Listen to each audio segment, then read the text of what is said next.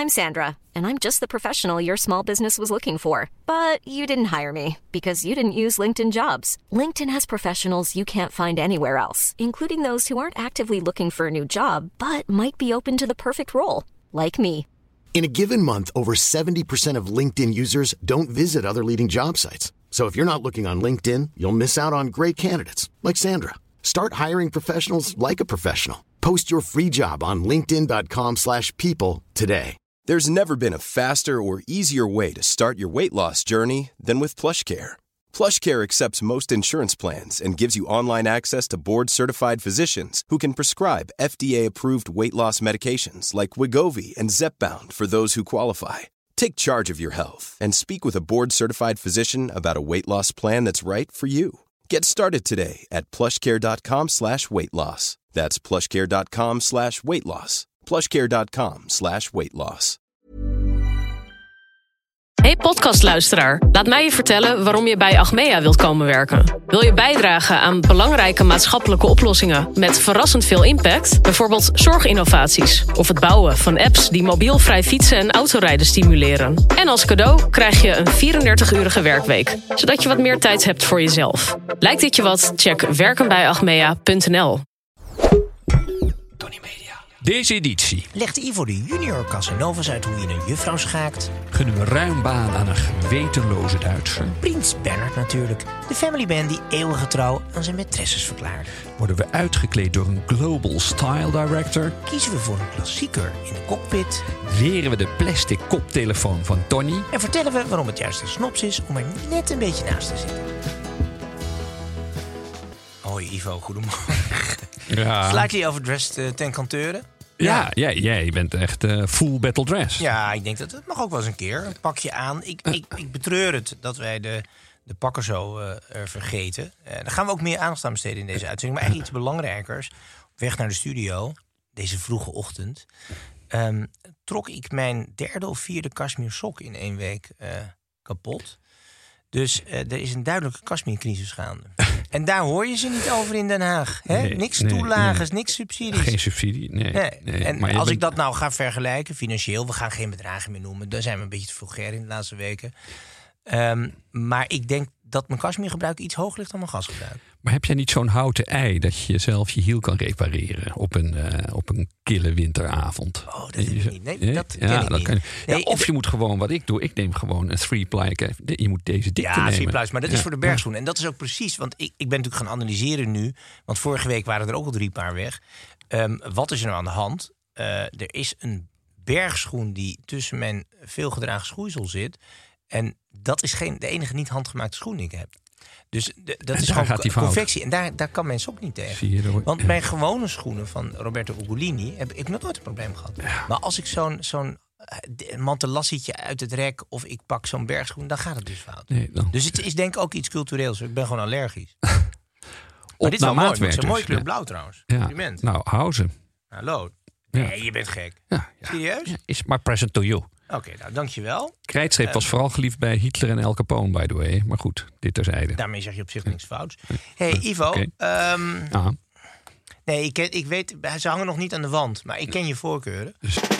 De Snopcast. Niet inclusief, maar exclusief. Ik wilde nog wat ander nieuws be- eh, met je eh, bespreken. Maar eerst even, waar, wat spookt hij uit? Want ik kreeg een foto van best wel een beetje albollig vijfsterrenhotel. Je hebt een snopkast vanuit een, een, Ja. bedje in, in Stockholm tot Ja, ja, maar dat is wel een prachtige eh, de Grand Hotel. Dat is dé plek waar alle eh Nobelprijslaureaten worden ondergebracht. Daarom sinds was je daar 1901. alvast oefenen. Nou, dat, je, je voelt wel dat je IQ daar eh, een beetje onder doet. Maar denk je dat de minuut. genomineerd kan worden voor enige Nobelprijs? Dat gaan we zien na de 50ste uitzending als we de boel opdoeken. Of we alsnog in de prijzen vallen. Nee, maar dat hotel, eh, dat kon mij bekoren. Dat is namelijk tegenover het Koninklijk Paleis. Dat is royaal uitgevallen, 600 kamers. Ja. En eh, in de tijd was het eh, niet toegestaan om voor 12 uur eh, sterke drank te schenken in Zweden. Voor niet geheel onbegrijpelijke redenen. Maar eh, de koning heeft per persoonlijk decreet ervoor gezorgd dat je dus eh, alleen in de Grand Hotel voor 12 uur eh, mag drinken. En De koning dacht mee, de- wat de, goed. de, de, de daad bij het woord goed. Je kan er ook alle champagnes tot en met kroek aan toe per glas bestellen. En je kan ook om drie uur s'nachts een glas naar je kamer laten komen. Ja, Maar, een historisch ding. Ze hebben daar voor het eerst het, het servet geïntroduceerd Mhm. in Zweden. Lagen ze inderdaad een beetje achter, want in Engeland wordt er al in 1481 over gerept. Maar eh, de geschiedenisboeken geven de credit aan Leonardo da Vinci. Dat je nou? Ja, ja. Ja? Die was uitgenodigd bij de groothertog van Milaan, Sforza. En die had de gewoonte om bij grote diners levende konijnen op te tuigen met kleurrijke linten. Gezellig aan tafel. Die hingen aan de Ja. leuning van je stoel. En als je handen vies waren, dan kon je die aan dat beest, aan die rug, kon je dat Mm. lekker afvegen. Ja, dat vond hij, eh, ja. net als jij, dierenminnende man, vond hij een. eh, Ja. vond hij, en toen is hij een, een, een, een keer op zo'n diner met een enorme lading doeken gekomen. Dat wist ik echt niet. Want Nee. ik dacht eerlijk gezegd dat het Franse hofcultuur, Lodewijk XIV, was die uiteindelijk natuurlijk, de, de, laten we zeggen, de, de- het servies, de, het couvert, dus Ja. eh, hoe je het dekt, Ook, eh, heeft geïntroduceerd de Franse tafelschikking. En dan heb je de Engelse en natuurlijk de door mij zo gewaardeerde Weense tafelschikking, waarover later waarschijnlijk een special. En de schikking van je servet, dat wist ik ook niet. Dat heb ik dus in eh, Zweden opgezocht. Is dat je met je punt naar beneden, dus niet rechtstandig je servet zo op schoot legt zoals ik altijd doe, maar met je punt over je kruis. Opdat zeker vroeger met die lekkende kluiven en het eten met je Mhm. handen, eh, ving dat veel beter de boel op. Ja, en dan een veelgemaakt misverstand. Wat doe je dan met dat servet als je eh, klaar bent? Altijd links, niet netjes opvouwen en Ja, een Zo. prop neergooien. That's ja, it. Het klinkt een beetje onaardig, maar anders Nee. denken zij is nog bezig. heel goed. We hebben Ja. weer iets geleerd. Eh Ivo, wat drinken wij? Ehm, Ter zake zou ik bijna zeggen. Hier Ja, bij onze koffiemachine van de Snopkast. Nou, we drinken dit eh, uit eerbetoon op eh, de held die we vandaag Ja. gaan bespreken. en ik ben al een beetje in zijn dresscode. ja, hè? Daar, eh, Dat is toch ja, het idee. Want ik zie daar een, een, een fleurige anjer in je revers Ja. priemen. Over de kleur val- valt te twisten. Maar het anjerseizoen is nog niet eh, begonnen. Eh, dat begint pas 1 april. En Mhm. eh, de redactie is met twaalf man uitgerukt om door de stad te gaan. Om uiteindelijk met één rode anjer, anjer terug te komen in plaats van een witte. Dus we gaan straks praten over Prins Bernhard. Toch wel zeer snopwaardig. Want Ja, hij hangt al heel twee lang. foto's op de snopwand. Hier in militaire outfit. Hij was natuurlijk een vliegenier. Ja. En daarboven met zijn, denk ik, Ferrari 500 Superfast... voor het Amstel Hotel in Amsterdam. Ja. Eind jaren 60. eh, Ja. Ongelooflijk stylish. Eh, Videoland slash RTL heeft een, eh, een driedelige documentaire serie over hem eh, online gezet. Wij hebben er ademloos naar gekeken. Die serie klopt. Heel goed. Maar we hebben wel wat aanvullingen. En misschien, nou nee, geen correcties. We hebben wat aanvullingen. Ehm, maar voor ik daarover wilde beginnen, en dat we het ook over Bernhard hebben, zeg je altijd, nou, een man met een goede levensstijl, redelijke opvattingen, eh, niets op aan te dingen eigenlijk, op af te dingen. Eh, de discussie de afgelopen weken was natuurlijk dat heel veel types uit die tijd niet meer kunnen. Bijvoorbeeld een van zijn, misschien heeft hij hem wel gekend, Roald Dahl, Ja. Eh, de, de oorlogsvlieger nog geweest in, de Spitfires. Die is ge- gecanceld vanwege zijn, zijn heftige tekstjes in zijn eh kinderoeuvre. En toen dacht ik, nou, ik ga toch eens ehm, bij gebrek aan beters even door de, door de boekenkast. Of Eigenlijk onder mijn boekenkast heb ik wat eh, doosjes staan met stripboeken van toen. Heb jij dat ook? Bewaar je jouw ja, stripboeken? ja, ik heb nou Ja? een paar heb ik er. Dus ja. een paar van die jeugdstripboeken. Om te beginnen natuurlijk Asterix en Obelix. Eindeloos veel afleveringen. Eh, waarin toch, als je nu zou kijken, wel wat plaatjes staan... die de sensitivity reader niet echt gaan bekoren. Nee, dit is. Eh, wat zien wij hier voor tafereel? Daar had je altijd de scène waarbij de piraat uiteindelijk... Er was altijd een piratenclubje, dat voer uit... Ja, met een dikke zwarte meneer in, de, eh, in het kraaiennest. ja, ja, en die begon dan ehm, met zeer dik rood aangezette lippen te, te, te, te brullen. Maar meestal te laat, omdat hij doorgaans eh, de verkeerde kant uitkeek. En met een spraakgeblek ook. En met de spraakgeblek. Ja. Dus dat was aan alle kanten was dat. eh, eh, mogen wij niet meer om mogen we niet lachen. meer doen. Ik vind eer- ook dat wij ons hard moeten maken. Ik heb toch nu zo langzamerhand een beetje moeite met de titel van Dick Trom. Ik vind dat wij dat we een voorstel moeten doen dat we dat boek gewoon enorme trom. De enorme trom. noemen? Ja. Zoals hij ook De vermeld staat de in de, dikke en de de dunne Royale heb ik ook een beetje moeite mee. Dik Wil en ik dunne kan- ook, Ja, dik en nee, van deze? Het kan nog veel erger. Dik en dunne. Hoe ver dan? Wat, zou je willen doen? Wat zou worden van de dik, dik en dunne worden? Eh, de reizige en de, eh, de royale wat lang, de- ja? ja? wat lang uitgevallene zoiets. We moeten het wat verzachten. Ja. Ja, Eh, ja. Ik heb ook een boekje van Billy Turf. Die, eh, dat is een jongetje, een heel dik jongetje op een Engelse kostschool. En die frat zich helemaal eh, vol. Zijn zusje, ehm, nou ja, ik weet niet, vetshaming was, was toen nog niet zo'n groot probleem. Die jongen is, hij is kogelrond. En zijn zusje Bessie Turf, Bessie Turf. En als je dit nu ziet, joh.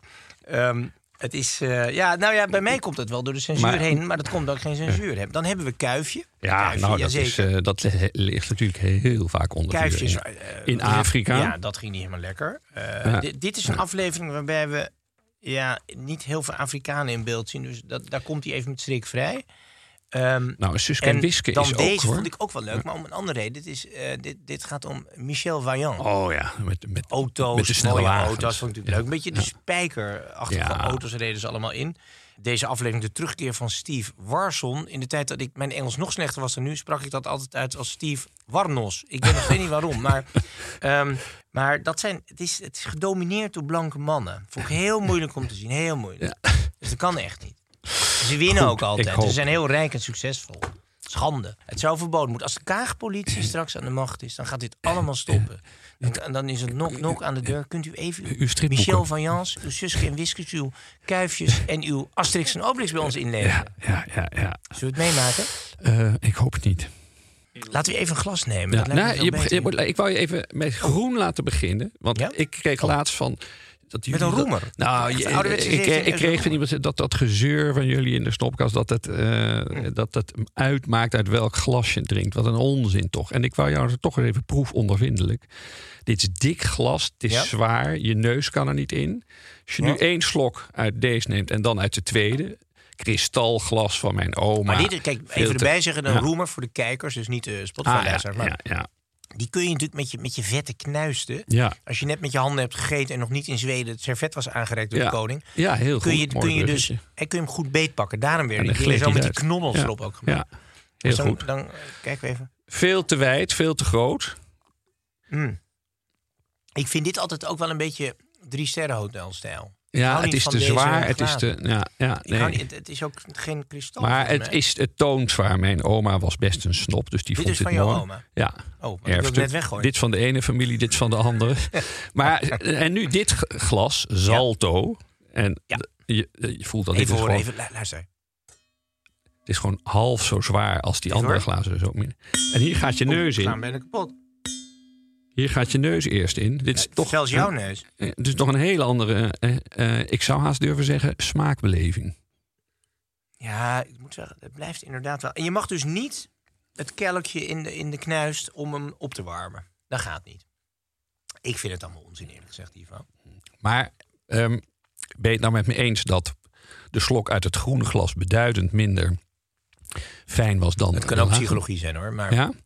Ja? Was, het ook een ander, was het ook een andere fles? Maar goed, dit was een van de wijnen. Die- nee, nee, nee, nee, zo... zo nee, ik, ik, ik, piepel, ik piepelt je niet. Maar dit was, eh, je weet dat... ik vind eh, het alle drie goed te doen. hè? Alleen dat middelste Ja. glas vind ik een visuele leed. Maar onze het held, ons- dit was de favoriete witte wijn van onze held van vandaag. Die, Ja. zoals je weet, ook eh, behoorlijk aan de champagne zat. Maar eh, nou, jij, jij mag voordragen wat we drinken. Eh, Eh, Cor- Corton Charlemagne. Ja, nou ja. Eigenlijk, ja, laten we zeggen, de gewone slobber witte wijn is natuurlijk de Champagne Montrachet bij, de, bij, bij, bij Kelder thuis. Zo, zo gaat het nou eenmaal. Maar ehm, als is- ik dan echt in een woeste bui ben, dan, dan wordt het een Corton Charlemagne. Ja. Overigens mag ik wel zeggen, ik koop ze altijd bij het ex-Kamerlid. Bijna Kamervoorzitter geworden Ton Elias. Want die heeft een handeltje in wijn is die gestart. Vind ik wel leuk. En oh, daar komt En, deze vandaan. ja, hij is zelf ook een soort wijntonnetje. Hij slaat het zelf op, volgens mij. Maar Mhm. ehm, dus die is, die is de wijnen ingestapt. En proefondervindelijk na zijn eh, reizen uit Frankrijk koop ik wat bij hem. Ehm, dus da- daar hoort deze ook bij. Ik, niet gesponsord of zo hoor. Dus eh, ik koop dat gewoon. En al sinds de Ehm, achtste, eh, achtste eeuw, hè, of nog verder terug, Ja. de Romeinse tijd. In, in, in 800 is het door, vandaar de naam, door Ja. Karel de Grote, is die, eh, is die heuvelrug Hoe- eh, Corton Charlemagne is, is ze- nog een kleiner gebiedje dan Montrachet. Ja, Dan- ja hele kleine. Ja? Het zijn drie kleine gemeentetjes en een, en, en een heuveltop. Waar aanvankelijk toen Karel de Grote het kocht, rode wijn werd verbouwd. En ehm, zijn vrouw, of wat zeg ik, heel snopwaardig, zijn vierde vrouw had moeite met de rode vlekken in zijn lange baard. En die zei van, ga jij daar maar eens witte wijn planten. Dus daar, daarom is het veranderd. Nou ja, niet verwonderlijk is die vrouw er ook eh, snel uitgegaan. Maar hij heeft wel die witte druiven daar geïntroduceerd. Ga ik niet te technisch worden met het ideale microklimaat. Maar je kan wel door die bodemgesteldheid, waardoor je zo'n wijn... Jij proeft dat ook. Dit is geen Zuid-Afrikaanse, Nieuw-Zeelandse, Nee, Amerikaanse wijn. Ja. Jij kan het beter omschrijven dan ik. Nee, maar, zo'n Corton Charlemagne, dat is, ja. Ja, dat is een cadeautje dat je zelf iedere maand even moet doen, zou ik zeggen. Niet heel iedere maand. toch? Ik zou zeggen dagelijks. Ja, Wat ja, zijn jij doet het bezwaar- hè? dagelijks. Ik ben wat eenvoudiger, dan doe ik gewoon een champagne.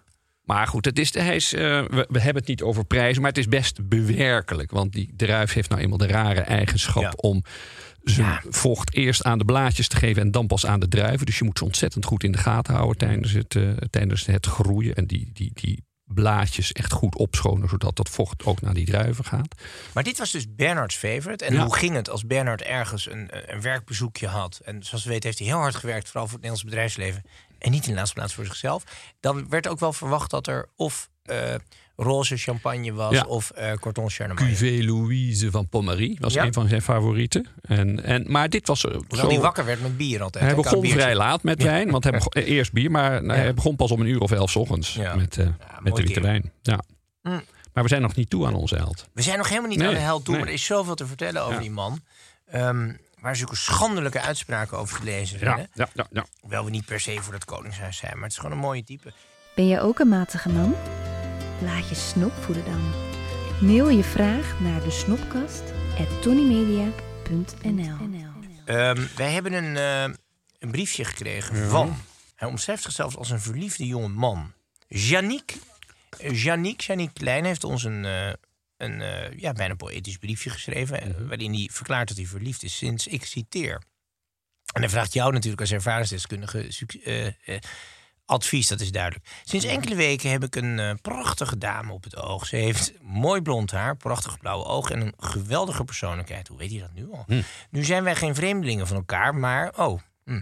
Maar ik ondervind dat het nogal lastig is om eh, dichter bij haar te komen en haar uiteindelijk uit te vragen. Mooi ook weer. Ja. Hebben jullie enig advies voor deze verliefde jonge man? Jullie lijken mij namelijk twee heren die hier uitstekende ervaring mee hebben. Ik hoop op een passend en uitstekend advies. Ah. Ik weet niet hoe oud Janiek is, maar... Nee, het spreekt mij heel erg aan. Want dit is een, nog een, voor, een schoolvoorbeeld van de hoofdse liefde. Met de, de hunkering en niet het, eh, de dating-app waarbij je na één blink van je ogen door eh, eh, swapt naar de volgende kandidaat. Mhm. Dus ik, vind, ik, ik, heb, ik, ik heb nu al een eh, warm gevoel voor deze Want jouw jongen. eerste lange liefde duurde geloof ik een jaar, anderhalf jaar voordat er een Ja, ik was ook vooral uitgedeeld. aan het. Ja, ja. Nou, ik weet nog, ik kan hem misschien wel dan niet advies uit eigen hand. Maar ik was in mijn eh, inderdaad negen maanden durende verliefdheid ook nog niet veel verder gekomen dan een mislukte knipoog en, eh, en, een, en, en een wandeling naar haar toe en toen toch weer omgekeerd. En toen had ik een, een sollicitatie bij, ja, lach niet, de Stichting tot Bevordering der Notariële Wetenschap bij professor Pitlo thuis. En die vroeg als laatste van, eh, heeft, u een, eh, een, eh, heeft u een geliefde? En toen zei ik, nou, ja, ik wel, maar ze is er zelf nog niet van op de hoogte. ik weet niet zo goed hoe ik dat moet aanpakken. Dus Pitlo zei van, nou ja, dan zou ik toch, ja, je studie vordert ook al niet zo enorm. dan zou ik toch maar een beetje vaart achter zetten. Ik heb het in der tijd bij mijn vrouw zo gedaan dat ik, ik, ik zag haar voor het eerst, liep op haar af, was op slag verliefd. Dus ik zei haar, geloof, gelooft u, zoals Pitlo dat zei, gelooft u in liefde op het eerste gezicht? Waarop zijn vrouw zei, nou, eh, nee, niet bepaald. Toen zei hij, prima, dan blijf ik wat langer. Al dus naar waarheid opgetekend. De rest van zijn leven bij die vrouw gebleven. Maar hoort een snop verliefd te zijn? Is dat niet een beetje een naïef gevoel? Ehm, Het gaat ook altijd ja, nee, over, verliefdheid En vind bovendien, ik... waarom zou je... Want Janiek is dat op dit moment ook erg aan het beperken Ja. tot één vrouw, is mijn indruk. Ik vind- Toch niet een heel snopwaardige houding. Ik vind de verliefdheid een, een hoger sentiment dan een relatie eh, onderhouden, toch? Dus Ja. ja, nee, dat maar zou, je kunt ook verliefd zijn op meerdere toch tegelijk. dat kan helaas wel eens voorvallen. Ja, Ja? Maar bij een echte verliefdheid, eh, verliefdheid, dat is zo verschroeiend, dan heb je zin in niemand anders. Ben je Althans, nu echt een, ja, sorry. iemand, een puber aan het uitleggen hoe het werkt? We gaan door, we gaan door. Dit is niks voor Wanneer mij. was jij voor het laatst verliefd? Eh, we hadden het net over de 8e eeuw, Karel de Grote. We gaan dan nu naar de. ja. ehm, eh, Nee, maar, moet, maar moet, hij, moet, daar toch, moet hij er meteen ten huwelijk vragen of moet hij er omheen cirkelen? eh, misschien iets een handgeschreven bericht. Dat is wel mooi. Welke Ja. kleur inkt? Ja. Ook belangrijk, want we hadden nog een correctie. We hadden het vorige week over het Ja. handgeschreven brief. In, eh, niet erg meer in zwang, helaas. Eh, met een vulpen. Welke kleur inkt zou Janiek moeten gaan gebruiken? Nou, niet de bruine hebben wij inmiddels geleerd, want dat is de kleur voor de ambtenarij. Mhm. Eh celeste of hemelsblauw vind ik mooi. Zeegroen, maar ik zou navy blue klassiek. Klassiek Ja, briefje ja, aan. ja, ik weet niet hoe ze heet. Ze heeft blond haar en heeft prachtige blauwe ogen. Ja, Misschien moet ze even op zicht komen voor de snops. Een keer. wij kunnen altijd voorproeven. Top of the Snaps. Ivo, dan gaan we nu eh, naar het hoofdgerecht van deze aflevering. Ehm, en dat is natuurlijk eh, zijn koninklijke hoogheid prins Bernhard Ja. van Liepen-Bisterveld. Of Van Liepen heette die dan officieel. Documentaire ge- gezien bij RTL. Dacht, nou, dat wisten we eigenlijk allemaal wel. Maar mooie beelden, een aantal beelden die we nog niet kenden. Ja, en prins Bernhard heeft mij al eh, langere tijd geïntrigeerd. Niet alleen omdat hij snop is, wat voor ons natuurlijk absoluut het belangrijkste is. Maar ook gewoon als eh, historische figuur. Ehm, zo rond 2005, 6 stortte ik mij al, en toen was hij net overleden in 2004, stortte ik me al op de ja, Prins Bernhard-achtige types. In feite de mannen die hier achter op die snopwand hangen. Zeg, waar zijn ze gebleven? Die mannen die nog durven te leven. Ja. Eh, een beetje de, de, de jet set playboys uit de jaren 50, 60. Ja. Daar ging dat verhaal over. En toen belandde ik op een kasteel in, eh, in Noord-Duitsland bij een, een Bismarck eh, spin-off. eh, bij graaf von Plauwen, een hele vriendelijke man.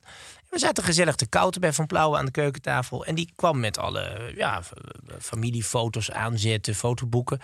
En op een gegeven ogenblik, eh, ik blader zo door dat boek. En eh, de graaf zegt, eh, of ik, ik stuit op een foto van Bernard hangend tussen zijn voormalige vriendin, weet ik nu dan, en zijn dochter. En ik zeg tegen hem, wie zijn dit? En toen zei hij, nou, nee, dat is een dochter. Ik zei, nou, het is niet Margriet, het is niet Beatrix, het is niet enzovoorts. Ehm hij zei, nee, nee, nee. En toen bleek dat er helemaal geen enkel probleem was in zijn vriendenkring. Von Blauw was een man die met hem op jachtpartijen ging, die in Porto Ercole, een huis in Italië, ehm, vaak zag. Buiten de grens deed Bernard daar nooit moeilijk over. In zijn intiem, iedereen wist het. Ja. Ik heb toen die foto's gemaakt. eh, uiteraard even van die, van die privéfoto's van Bernard. Dat is toen door de Telegraaf uiteraard zonder bronvermelding geklauwd. Mhm. Ehm, en nu zie ik ze overal terugkomen in die documentaire bij RTL. Eh, Ik denk dat ik nog even een rekening Zonder credit. Ik denk dat nog even. Ik breng ze nog even een, een, een, een kistje of drie uh, Corton Charlemagne in rekening. Ehm, en bedankt. Maar hij was daar Ehm, open over. Althans, ja, maar, maar het ik heb, het, kijk, ik moet zeggen, ik heb het toen wel fout gedaan. Ik heb het heel bescheiden in quote gepubliceerd. Ja, omdat ja. ik dacht, ik vind het. eh, Lijkt te veel af van ik het nou, hoofd. vind het vulgair om Mhm. over zijn bastaarden. En wat is er eigenlijk mis met bastaarden? hoort bij de adellijke leven ja, natuurlijk. dus ik Dat vond is- het eigenlijk. Ja. We doen het en passant er Ja. even bij, maar niet te groot brengen. Als een vanzelfsprekendheid had je het haast kunnen Nou, en brengen. een paar jaar later heb ik nog een boek geschreven onder de titel ZKH zijn met Harry Venendaal. Over een, eh, ja, dat vond ik wel mooi. Eigenlijk de ambitie van Bernard, ook wel snopwaardig, om altijd hè, social climber, altijd omhoog te gaan. De ambitie van Bernard om viceroy te worden, dus onderkoning. Ja. Hij keek natuurlijk naar ehm, Louis Mountbatten. De grote, Ja. mooie, witte pakken. Je ziet hem ook altijd in de, in de Crown, kun je hem ook wel zien als Uncle Dickie. Ja, ja. Ehm, eh, Dickie Mountbatten, die natuurlijk onderkoning werd van. India, van dat grote India. Ehm, en dat wilde hij eigenlijk met Indonesië ook bereiken. Hij dacht na de oorlog, ik heb niks te doen, ik moet iets. Weet je wat, ik ga met Wilhelmina maar schoonmoeder. Ik regel wel eventjes dat ik onderkoning van Indonesië word. Ja, het is een soort Daar is consulaire... een staatsgreep voor opgezet. Ja. Daar wist hij van. Eh, daar hebben wij een boek over geschreven met allemaal originele aantekeningen van zijn privésecretaris. eh, die, die Mhm. pas 80 jaar na de oorlog dus gelekt zijn. Eh, Het was een ontzettend vrolijk project. Ik heb eh, één keer in één avond ben ik in al, op alle nieuwszenders, overal ben ik geweest. En daarna heb ik er nooit meer iets over gezegd. ik heb ook de hele oplage verkocht. Ik dacht, nou, dat was het dan. Ja, wel ja, maar ik heb altijd een zwak voor Bernard gehad. Terwijl het grappige is dat mensen lezen zo'n boek en zeggen... oh, je bent dus heel kritisch op Bernard omdat hij een staatsgreep wilde plegen. Begre- dat, nee, helemaal Nee, niet. nee. eh, ja, je hebt er toegejuicht haast. Ik vond het wel een... eh, ja, die maakte iets van zijn leven. Je moet je voorstellen, Bernard is in Duitsland geboren Mhm. als... eh, in die documentaire zeggen ze dan lage adel, maar als graaf. Graaf, Niet ja. hele lage adel. Nou ja, nee. Maar even later is die prins. Dat is wel knap. Dus omdat zijn, zijn vader of zijn grootvader... die hebben al geprocedeerd om eigenlijk een prinselijke titel te krijgen. Mhm. dus hij is al snop in de dop op dat moment. Snop in de dop. Ja. We hebben een nieuwe titel. Mooi, ja. ja. En dan stoot hij door naar eh, koninklijke kringen. Eh, Ja. En dus met- die Julianen daar in beeld komen... Dan heb ik, dan, dan heb ik zo'n respect voor hem... hoe hij zich daarin heeft kunnen vastbijten. ja, nou ja, maar het was natuurlijk ook niet alleen Juliana. Hè? Dat, eh, Nee, dat, dat, nee. dat, Want waarom ben jij zo dol op Bernard? Nou ja, ik, ik concentreer me vooral op de, op de wezenlijke zaken van Bernard, namelijk zijn, zijn, zijn garderobe. En ik kwam zijn foto tegen bij Mario Caraceni, de, de Je kleermaker. uit Ja. Milaan, de Via Fate Bene Fratelli nummer 16, waar echt heel eh, de hele Europese adel eh, Ja. zich de maat liet nemen. Raoul Gardini, die grote zakenman, Agnelli. eh, Ja. Agnelli, dirigenten. en, en ook Bernard. Bernard. Ja, Bernard wist wel waar hij moest zijn. En hij heeft, en hij heeft iets. hij had ook hij heeft een paar dingen laten afwerken. Op aanraden van de kleermaker met een gele voering. Want dat is de kleur tegen de jaloezie. Contro la gelosia. dat had hij beter aan Juliana kunnen Dan. Maar hij is ook echt hij is verantwoordelijk. En, dat, en hier wordt het pas echt belangrijk. Voor een inventie die later op alle pakken eh, van Caraceni zijn doorgedrongen. Namelijk, we kijken nu naar jouw anjer. Ja, en daarom gaat het mis, hè, Want, bij mij. ja, want Bernard was dus de man van de witte anjer iedere dag. Maar hij wilde niet dat dat steeltje onder zijn revers wegpiekte. Dat vond hij een beetje een lullig gezicht. Zo'n. Dus hij had een, aan de binnenkant van zijn revers... had hij een heel klein lusje laten maken. En dat vond Caraceni zo'n geweldige Ja. eh, inventie... dat hij zei van, eh, dat, dat zit nog steeds op al die pakken. Sowieso, die Anjer is natuurlijk een mooi verhaal.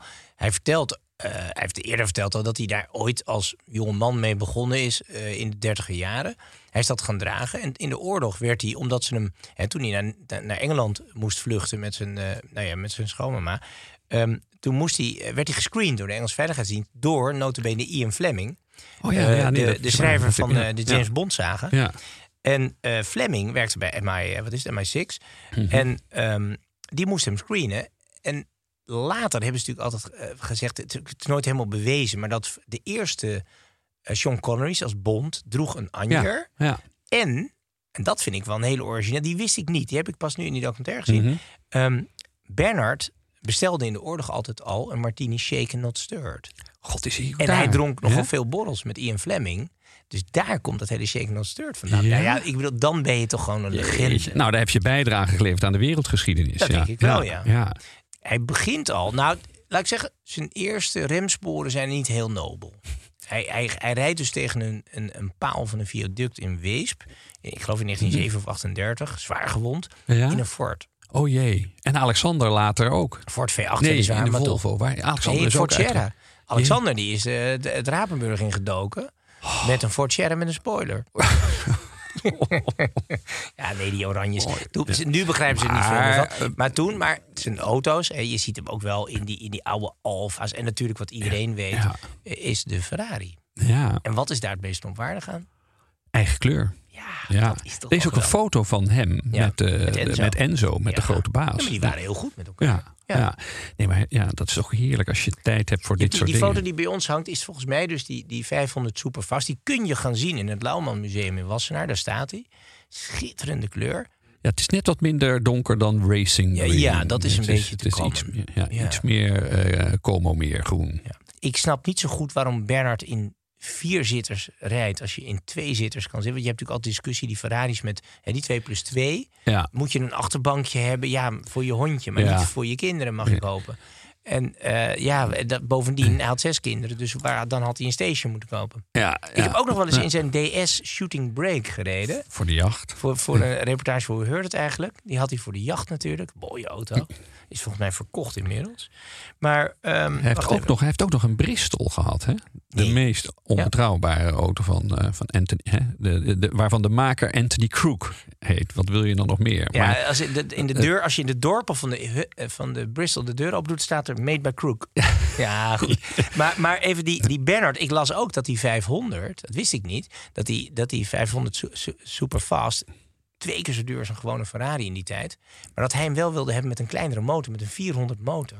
Hij vond de motor te zwaar, het blok was te Ja? zwaar. Oh, nee, maar dat vind ik ook weer, ja, ja, ja, dat is heel ja. snopwaardig. Dat je zegt, nee, die vijf, dat is net... Even. Weet je, ik heb zo'n Ja. Jaguar F-Type, dan willen ze met een V8. Die vind ik te zwaar, dan heb ik liever een V6 Turbo. Ja, Omdat ja, dat ja, rijdt, ja. die auto, die balans van die auto is Ja, gewoon ja, ja. beter. Dus Bernard snapte het goed en hij reed ze volgens mij op de autostrada gewoon in. Voor hem was heel Italië gewoon circuit. Ja, en ik weet uit eh, eh, de kringen van de Rode Kruisrally... dat hij ook wel eens eventjes eh, de auto's uitliet eh, op de startbaan. Ja, als je nou toch op een vliegveld, Ja. op een privévliegveld komt met je auto... dan kan je natuurlijk best eventjes de startbaan af... en kijken wie er, wie er sneller is. Jij Ja. of het vliegtuig. Dus Er was dat- trouwens ook een mooie scène in de docu dat hij, dat hij op een gegeven moment in Afrika. eh, heeft hij natuurlijk alweer een paar, een paar glaasjes uh, Corton Charlemagne of misschien rosé eh, champagne naar binnen gegoten. En dan eh, zegt hij tegen de piloot wegwezen, laat mij maar even. En hij zet dat vliegtuig stuiterend op de baan. Ehm, Alle hulde. en dan zegt ja, Ja. wel, je kan het niet altijd goed doen, hè? Dus eh, hij was flink aangeschoten. En ik denk, ja, daar hoor je nu mensen een beetje over mopperen, zo hier en daar. Dat kan toch niet? Dat was Bernard. Altijd net even die grens opzoeken en liefst eroverheen. Nou heeft onze koning, die vliegt ook. Maar ik vrees dat hij toch wat eh, braver eh het Stuiterend met de Ja? Airbus. Nee, Ja? ja, ja, nee, die, die Hey, gaat en waar wij natuurlijk ook zwaar van ingenomen waren, is de vertelling over hoe Bernard eigenlijk zijn liefdes eh, managde. Want we hadden net de brief van Yannick, was ook heel lief, die, is- die zet zijn eerste stap op het liefdespad. Maar dan zou je toch, Yannick, eh, Ja. de adviezen van prins Bernard een beetje moeten overnemen. Want eh, laten we bijvoorbeeld maar eens even kijken naar zijn huwelijksreizen. Dus hij heeft uiteindelijk natuurlijk het koninkrijk. Koninkrijk gered. Daarom hebben we zoveel Mhm. prinsen en prinsessen nu. Door eh Juliana in ieder geval vier officiële dochters te geven. Nou goed, er waren nog wat meer kinderen. Dat hoort erbij. Daar kijken mensen nu heel raar over. Maar Mhm. de, de 19e eeuwse adel en daarvoor vond dat heel normaal. Want je, je, Ja. je moest trouwen. In feite voor de familie. Hij is natuurlijk Ja. morganatisch is hij getrouwd. Hij is natuurlijk onder de stand getrouwd. Mhm. Ehm, hij is omhoog getrouwd. Maar ja, mag hij dan ook een beetje het ervan nemen? Maar dan op je huwelijksreis. Je maîtresse meenemen. Dat ja, dat verdient valt een, een on- snoppenwoord. dat, ja, sommigen zullen dat eh, een tikje bond vinden. Ik, vind dat, ik vind dat wel. Ja, dat valt onder de categorie dappere daden, dit. Ja, ja. Ja, ja. ja, of misschien, als je kwaadwillend wil zijn, dan kan je dit brutaal noemen. Maar. eh, Nee, zeg hallo. nee? Oké. Nee, nee, nee. Dus hij, hij nam eigenlijk... En hij is altijd, en dat vind ik interessant... trouw gebleven aan al zijn maîtresses. Ja, Ik vind dat ook als Dat ik zeg ik... oké, je blijft trouw, in ieder geval aan die vrouw. ja. Al hoef je de verjaardag niet uit je hoofd te weten. Mooi van Bernard is ook dat er zijn toch wel enige honderden miljoenen mensen... die de Tweede Wereldoorlog hebben beschouwd als een dipje in hun bestaan. kan gebeuren. Maar voor Bernard was dit het absolute hoogtepunt. En het grote voordeel was natuurlijk dat zijn vrouw was geëmigreerd naar Canada met de kinderen. Dus daar had hij geen last van. Dus hij zat in Londen, was hij lekker aan de gang. Maar hij moest toch, courtesy visit, dan even langs. En dan maakte hij wat gezellige filmpjes van de kinderen in het zwembad. Ja, ja, ja. Ja, ja. God. Het was zo'n fijne familieman. Ik ben erg blij hier enkele dagen met mijn familie te kunnen zijn en de kinderen te zien, vooral hoe ze opgegroeid zijn in dit jaar dat ik ze niet gezien heb. Hij is hier gekomen als een volkomen verrassing voor nadat we elkaar voor meer dan een jaar niet hadden gezien, zodat we nu bijzonder prettige dagen beleven.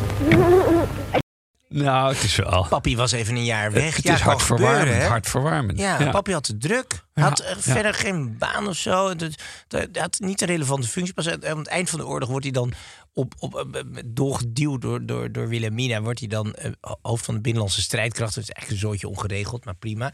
Ehm, en daar ging hij ook weer lekker tekeer. Want daar zijn ook nog wel wat... eh, laten we zeggen, wat gevallen? Ja. ja, wat kadetten beroerd. ja, nee, mooi. Hey, en dan zijn finish, en dat vind ik toch ook voor de snobs wel belangrijk om eh, te bespreken. Ehm, hij, zijn finale is natuurlijk het postume interview dat hij heeft gegeven aan de, de mannen van de Volkskrant. Ja. En dat, dat verschijnt dan een paar weken na zijn dood. Ehm, waarin hij bekend dat hij, nou ja, buitenechtelijke, tenminste twee buitenechtelijke eh, dochters heeft. En die ook volle- volledig laat meedelen in de erfenis. Ehm, beetje zuur voor Beatrix. Ik, fiscaal pakt het volgens mij voor de Bastiaan ook wat gunstiger uit dan voor de Ja. eigen dochters. Ik weet niet voor Maar mij. ik, het zat Maar- haar, daar zat haar vrevel niet, denk ik. Nee, helemaal niet. Die Maar papi natuurlijk was een toch- beetje stout geweest. En Ja. dat, dit was natuurlijk... Ja, kijk, ik snap... Ik kan wel met Beatrix meevoelen, maar het is natuurlijk wel... Ja, er werd gezegd in de documentaire als slot... uiteindelijk leefde hij alleen voor zichzelf. Ja, ja, ja. Nou, en letterlijk een dubbel leven. Hij was natuurlijk voorzitter van het eh, Wereld Natuurfonds. En ondertussen eh joeg hij ook wel eens op een olifant. Dus dat is... eh, Ja, nou, dat liep niet altijd parallel. Later is hij echt wel Ja, een oké. beschermer geworden. Maar er sneuvelen heel wat zwijntjes en Ja, big fives... in het, eh, de dubbelloops van Bernard. ja, Hij staat ook op het eh, belangwekkende stripboek wat jij ge- Ja. begeleid hebt. Staat hij ook met een eh, gebroken geweertje. Maar niet een gebroken geweer om niet te schieten, maar vooral om de patronen erin te kunnen doen. En ook die tattoo en de armbandjes is wel... Ja, Ja, wat dus vinden we daar eigenlijk van? Want Bernard had, Ja, had bijgeloof. Hij spaarde olifantjes. Hij had altijd van die, van die, van die eh, olifant. Dat is ook altijd zo'n trend van die olifanten. De staart van de haren om je Ja, in Parijs kan dat laten maken. Met Jeroen Pauwbandje. Ja, ik vind het wel mooi, maar ik waag het zelf nooit om te doen. Oh, je vindt het wel mooi om te hebben, Nee, ja? Ik heb het vroeger heb ik nog wel eens gedaan, zelf geknoopte armbandjes. Maar mijn moeder keek dan toch licht misprijzend naar mijn pols. Misschien omdat haar broer toch meer op mannen is gaan vallen dan op vrouwen. Dat ze dacht, oei, is dit een voorbode? Dus eh, voor mij is dat een beetje... Maar ik vind het toch wel mooi dat hij dat heeft. Hij, was, hij hield van, eh, nou ja, hè, mooie horloges, Mm. bandjes. eh. En vind je het wel acceptabel dat hij met een baard eindigt uiteindelijk, Ivo? Ja, maar dat had een medische, Ja, een medische beetje toch, een beetje- camouflage. Ja. En een snop mag camoufleren. Ja, nee, dat... Ja, god. Ja. Nou ja, goed. Wel, kijk, al die speculaties over hoe was die man, hoe zat hij in elkaar. Volgens mij heeft hij het zelf heel goed gezegd in een gesprek met eh, Rick Velderhof. Luister maar. Zolang als ik denken kan, heb ik nooit een slechte droom gehad. Dat betekent, zeg ik, of een goed geweten of totaal gewetenloos. Nou, ik vind het ook wel getuigen van zelfreflectie, dit. Ja. Ja, ja. En we weten het ook niet helemaal. En het is misschien maar goed zo. Toch? Ja. Dus niets van lof voor zijn koninklijke hoogheid. Eh, We hebben de Corton Charlemagne in het glas. Nou, wat dat betreft kunnen we de prins eh, absoluut niet eh afserveren als een man zonder smaak. Mhm. We weten dat hij rosé champagne... Ben zelf een keer, ik heb de anekdote verteld... in de, in Ja, de, de kelders eh, van, in de kelders van Dom Perignon geweest... waar nog 9000 flesjes op hem liggen te wachten. Ja. En eh, zijn, eh, zijn kleinzoon Maurits zei dan nee mee. Maar ja, da- daar was mijn achterklep dan net weer te klein voor. Ehm, dus, dus hij wist wel wat we dronken. En ja, de man verdient een monument. ja, nou, die zijn er toch ook Had wel. keizer moeten worden.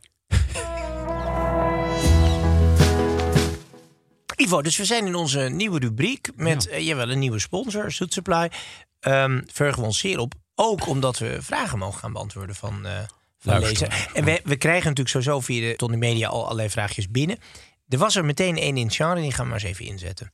En er staat, beste snops, is het eigenlijk nog nodig om kleren te tailoren? Hè? Dus om ze eigenlijk op maat te maken. Of kun je wegkomen met een pak gemaakt eh, met niet snopwaardige materialen, zoals bijvoorbeeld stretch of, eh, of het hoge water van Jord. Ja, ja, ja. Hmm. Maar ja, stretch heb ik sowieso al een beetje moeite mee. Nee, Zeker maar na wij willen alles op maat. Ja, nee, maar een stretchstof vind ik, nee, moet je, dat, Ja? dat kan, nee, na, en gaat na tien keer stomen gaat het een beetje lubberen. En niet te recyclen. Het is een milieuargument waar we als niet snel eh, toe over te halen zijn, maar het is eigenlijk niet te recyclen. 3% lycra, hè? Nee, niet Nee? altijd hoor. Oké. Het kan ook helemaal Je natuurlijk hebt zijn. ook natuurlijke stretch, hè, natuurlijk, Ja. met polo's. Nee, dat kan tegenwoordig. Nee, maar kijk, de, kijk, waarom hebben mensen maatwerk nodig? Dus tailoring. En Mhm. tailoring is sowieso dat het wat meer op maat en dan bespook is ongeveer het eindpunt waar werkelijk alles opnieuw gemaakt wordt. Mhm. 99 van de, eh, procent van de mensen zijn natuurlijk toch fysiek imperfect. Ja, neem onszelf. Oeh, Ik Ja, wil niet in details krom. treden, maar eh, eh, kijk, kijk, Ja. ja. nee, eh, daar, daar- daarom. Het is, eh, En, nee, maar dus uiteindelijk is dit we bedrijven hier een volkssport. Iedereen heeft dit nodig. zo is het. Even, we gaan even bellen met, eh, met Mark Harmeling. We kennen hem goed. We zijn veel met hem op reis geweest. Over de hele wereld. Peru, Australië, noem maar op. Hij is nu tegenwoordig heeft een hele mooie titel gekregen. Hij heet Global Style Director. Global Style En dan is de vraag natuurlijk aan de Global Style Director. Wat zijn de trends voor eh, Ja. nou, deze komende Want er zomer? is een gerucht, ik las het ook al ergens al in de eh, gespecialiseerde media... dat er wellicht dat mijn smalle pijpjes, mijn hoge smalle pijpjes eruit gaan. Ja, en je krijgt Het moet toch goddomme niet gekker worden. bandplooien. Maar laten we vooral niet bellen, want ik heb voor het eerst van mijn leven een eh, hoofdtelefoon met plastic oorschelp. Maar je hebt hem wel geparfumeerd. Ja, maar dat helpt niet, dus ik doe hem af. Ehm moet een andere manier vinden om in contact met hem te komen. Sorry. Ik vind het ook echt geen gezicht dit hoor. Oh, ik, ik, heb dus, ik heb een radioprogramma bij Radio 1. IJs is koptelefoon op. Het lukt me al vijf jaar om dat niet te doen. Nee. Doei. Op. Inmiddels, zzzt, kwartier later, want er moesten wat technische aanpassingen gedaan worden. We hebben nu zover dat eh, Mark Harmeling, de Global Style Director, ons gewoon even een boodschapje gaat sturen wat we moeten doen. Oké, we gaan ademloos luisteren. Mark Harmeling. Hey Jort. Nou kijk, als jij ehm, alleen maar heen en weer vliegt in een helikopter tussen je paleis in Amsterdam en een van onze eilanden, dan begrijp ik dat je niet helemaal up-to-date bent met het laatste nieuws. En dat zie je ook wel een beetje terug in je stijl, hè, Jort, tegenwoordig. Dus met die net iets te strakke en te korte broeken. Eh, maar ik zou zeggen, ja, weet je, het mag wel, eh, maar het kan beter. Wat je met name op het moment ziet, is dat er een hele sterke omwenteling is van streetstyle eh, items zoals hoodies en sneakers naar meer tailored items. En met tailored bedoel ik echt jasjes en broeken. eh, in een meer formelere manier. Maar ook zie je steeds meer de, de, de casual stijl en een beetje een preppy stijltje terugkomen. Um, en wat leuk is aan deze style shift, uh, is dat er ook een doelgroep die pre-pandemic eigenlijk helemaal niet per se op zoek was naar een pak, um, daar wel naar, naar op zoek is. Wat je met name terugziet in de nieuwe collectie deze zomer, is dat de broeken uh, toch weer langer en wijder gaan worden, Jort. Dus ik denk dat je daaraan moet geloven. Uh, maar als je mee wilt doen met, uh, met de huidige trends, dan ga je toch voor een iets hogere waist in je broek. Wat ook een langere pijp geeft en ook optisch eigenlijk de, de silhouet van, de, van het mannelijke lichaam versterkt. Sowieso tonaal en rustige clean looks. Dat is iets wat je deze zomer veel gaat terugzien. Ook met name bij ons in de collectie. En ik denk dat het fijne is van, um, uh, van de pakken die zo worden gesteld en, en, en worden gekocht, is dat je ze dus niet alleen voor kantoor kan gebruiken, maar ook voor uiteten, uh, social events, uh, gala's, you name it, kan je in principe terecht bij deze stijl en, en fit. Ivo, ik geloof dat we door de kasten moeten gaan. Ja, de, mijn zak kan weer vol. Eindelijk al die pijpjes op 17,5 centimeter, al die jasjes in laten nemen. En nu kunnen we weer helemaal tegendraads. Uh, Voordeel is wel dat we nu, als we die, die wijde look gaan doen, dat we over tien jaar die wijde look weer kunnen innemen. Dat is wel weer goed. Dus uh, oké, okay, dat was Mark Harmeling. Um, als je meer over de, de, collectie wil weten, dan kun je natuurlijk gewoon naar soetspluit.com. Mm -hmm. uh, eindeloos veel nieuwe dingen, eigenlijk dagelijks wel. Maar wat we ook gaan doen, dat is wel leuk eigenlijk een beetje terug de traditie wat we ooit met onze boekjes Man en Pak deden. Um, we gaan weer wat commentaar geven op uh, uh, ja, machtige manieren, meestal die ah, niet helemaal begrepen ja, dat hebben. een goed idee. Snopveel. Ja. Hashtag snopveel. Oh, okay. op de, gewoon op onze Instagram pagina gaan we weer, was, weer wat commentariëren. En natuurlijk hoe het wel kan. Want we vinden het ook wel fijn als we weer de straat op gaan straks. Dat Nederland er iets iets beter uit gaan zien. Toch? Ja, nou en neem een kijkje bij de nieuwe collectie van Soetsplein. Nee, niet te veel nee? reclame. We zijn nee? nu door de reclame heen. Nee, even de nieuwe fits, de manier van dragen. De langere jasjes zijn in beeld, de wijdere broeken. Um, en het wordt nog comfortabel allemaal. Dus, uh, Never been better. Huh? Het snobject. Ja. Ivo, wat voor lekkers heb je bij nou, ik wil even in navolging van onze held uh, Bernard, die natuurlijk zijn leven lang getooid ging met de Ray-Ban Aviator zonnebril. Ja. De vliegeniersbril. Ja, 37 uh, on, uh, geboren. Klacht van de vliegeniers van het Amerikaanse leger dat het lichte vel was. Speciaal voor hun een bril ontwikkeld. En zoals je weet heeft het militaire leven altijd veel geld voor investering. Dus dat is een erg mooie bril geworden. Een hit geworden door allerlei films. Rebel Without a Cause uit 55. Audrey Hepburn had hem zelfs op in Breakfast at Tiffany's. Mm -hmm. um, kortom, een, een, een, en door die film Top Gun, een, een, een nou ja, echt uh, wereldwijd ja. iedereen hebben. Er zijn allerlei uh, klonen van gekomen. Porsche je kan hem voor een tientje kopen bij de dump, hè? Ja, but it's the original you need. Ja, want wie um, maakt het origineel? Ray-Ban. Oh, dat is altijd ja, een Ray-Ban. Ja, ja. Okay. ja en hij is, hij is eigenlijk, hij is echt, ja, de, de, de Wayfarer, hij is uh, internationaal op de kaart gezet door die beroemde generaal Douglas MacArthur. Die, oh, uh, dat was een goeie. Die werd in Korea nog op, op, op, op, de, op de voorpagina van New York Times had hij die bril ook op zijn neus. En zo is het een enorme hit geworden. En kwam okay. meteen de Franse president zei, onze soldaten moeten ook deze bril hebben. En zo is het, Hmm. zo is het een booming brilletje oh, geworden. Goed, ja. Goed. Maar Ivo, jij voelt je natuurlijk voor zo'n gewone Ray-Ban weer te goed. Mm, ja, eigenlijk wel. Ik ben uh, Persol heeft, uh, dat is mijn, mijn merk. Persol betekent tegen de zon. Dat is ooit ontwikkeld voor de trambestuurders van Turijn en Ja, Milaan. dat is een beetje jouw genre. En uh, deze is een speciale editie met blauwe glazen. en dat is de, de Steve McQueen die hij... Ja? ja? nee, dit is de bril. Ik Zoek hem op. ook. Ik heb een andere kleur glas. Ja, ja, want dit is op maat Ik heb gemaakt. ook dit is blauw glas. Nee, ja, ja, maar dit is, deze, deze moet je hebben, want dit is de film die Steve McQueen op heeft in de Thomas Crown Affair. Oh. Maar met blauwe glazen wordt hij niet gemaakt, dus je moet zelf aan de wel een bak. beetje een bordeelhouder zo, toch?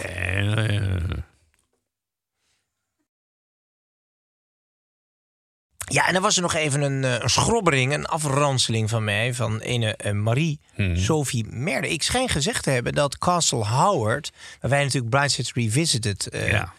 gerefereer- aan- aan gerefereerd hebben... Die, dat geweldige boek, geweldige verfilming ook... van het boek van Evelyn Waugh. En ik heb gezegd, ja, dat is Ca- Castle Howard. Daar woonden de Hamiltons, kennelijk de Schotse familie. Zoiets heb ik gezegd. Ik weet begon niet... Ik wist niet dat ik het gezegd had. Want maar jij kan hebt het meestal echt wel goed op orde, deze hele... Ik heb een slordigheid. Je, je hebt die Hamilton-familie. Eh, het is de Howard-familie natuurlijk, vandaar ook Castle Howard. Mhm. Ehm, die Hamilton-familie is de Dukes of Hamilton. Dat is de, de, de premier eh, peer in Scotland. Dus dat is, dat is een beroemde Brit, eh, Mhm. Schotse familie, maar niet een Engelse familie in die zin. Ja, ja. Castle Howard ligt gewoon in Noord-Engeland. Ehm, grappig genoeg. En dat is van de Howard-familie. En dat vind ik, toch wel leuk. Dus ik, ik word een beetje aangepakt als snop veel. En hij snapt er allemaal weer niets van. Hij zit er helemaal naast. Ehm, en het is ook goed dat ze, eh, Ja. wel goed dat ze scherp is. Het is toch? ook wel des snop om er net naast te zitten. Want je wil er natuurlijk eigenlijk, je hebt aspiratie, je wil er heel graag bij Ja. horen. Je weet het wel een beetje, maar Precies. net niet. Dus wij Ja. moeten ook bewust fouten maken om de luisteraar wakker te Ik houden. sluit niet uit hoor dat ik alsnog fout eh, naast zit. Want die Castle Howard wordt dus door, die, door een van de staken van de Howard-familie bewoond. Ehm, de beroemdste staak van die Howard, dat is natuurlijk de, de, de familie die ook de Duke of Norfolk. Oh ja. Norfolk, zeg Norfolk. je eigenlijk zo'n beetje. Niet Norfolk. Ehm, eh, bewonen. Die hebben, eh, hebben hun grote beroemdheid, iedere Engelsman kent. eh Arundel Castle. Ja. Dus dat, dat is wa- waar die Dukes of Norfolk dan wonen.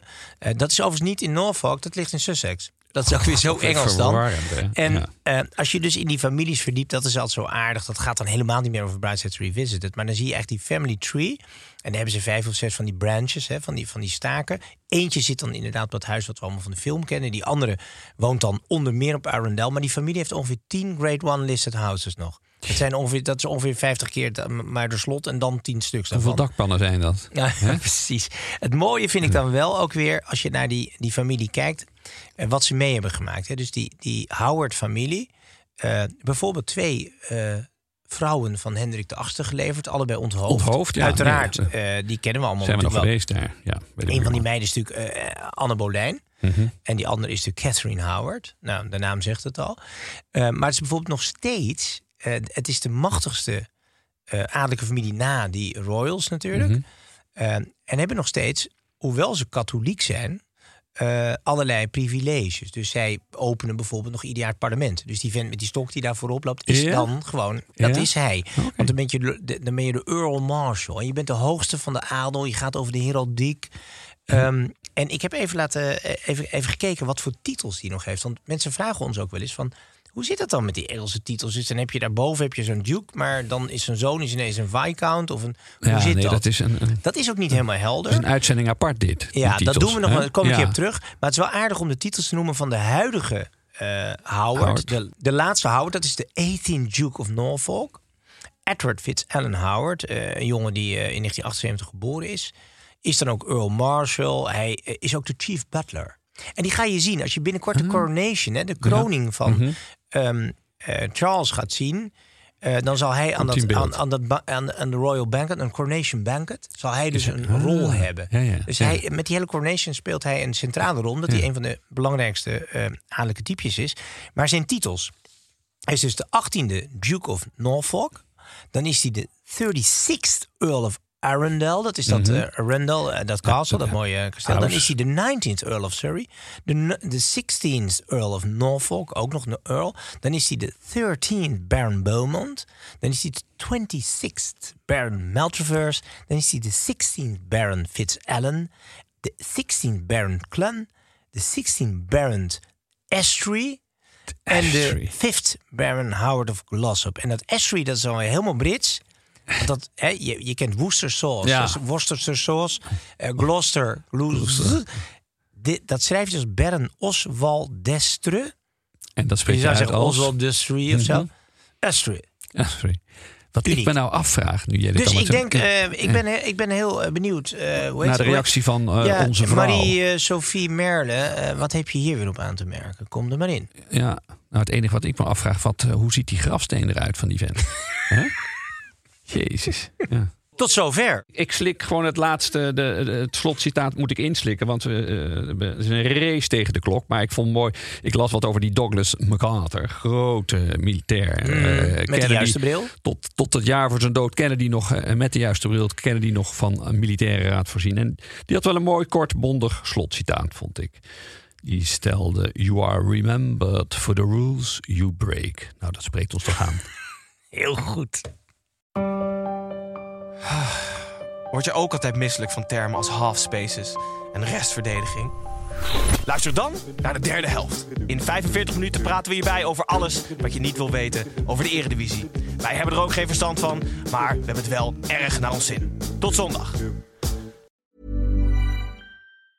Mom deserves the best, and there's no better place to shop for Mother's Day than Whole Foods Market. They're your destination for unbeatable savings, from premium gifts to show-stopping flowers and irresistible desserts. Start by saving 33% with Prime on all body care and candles. Then get a 15-stem bunch of tulips for just $9.99 each with Prime. Round out Mom's menu with festive rosé, irresistible berry chantilly cake, and more special treats. Come celebrate Mother's Day at Whole Foods Market. Ruben, Tijl, Ruben, Tijl. Wacht Ruben, even, zijn er Tijl, nou twee Ruben. Tels of twee Rubens? Twee Rubens, één Tel.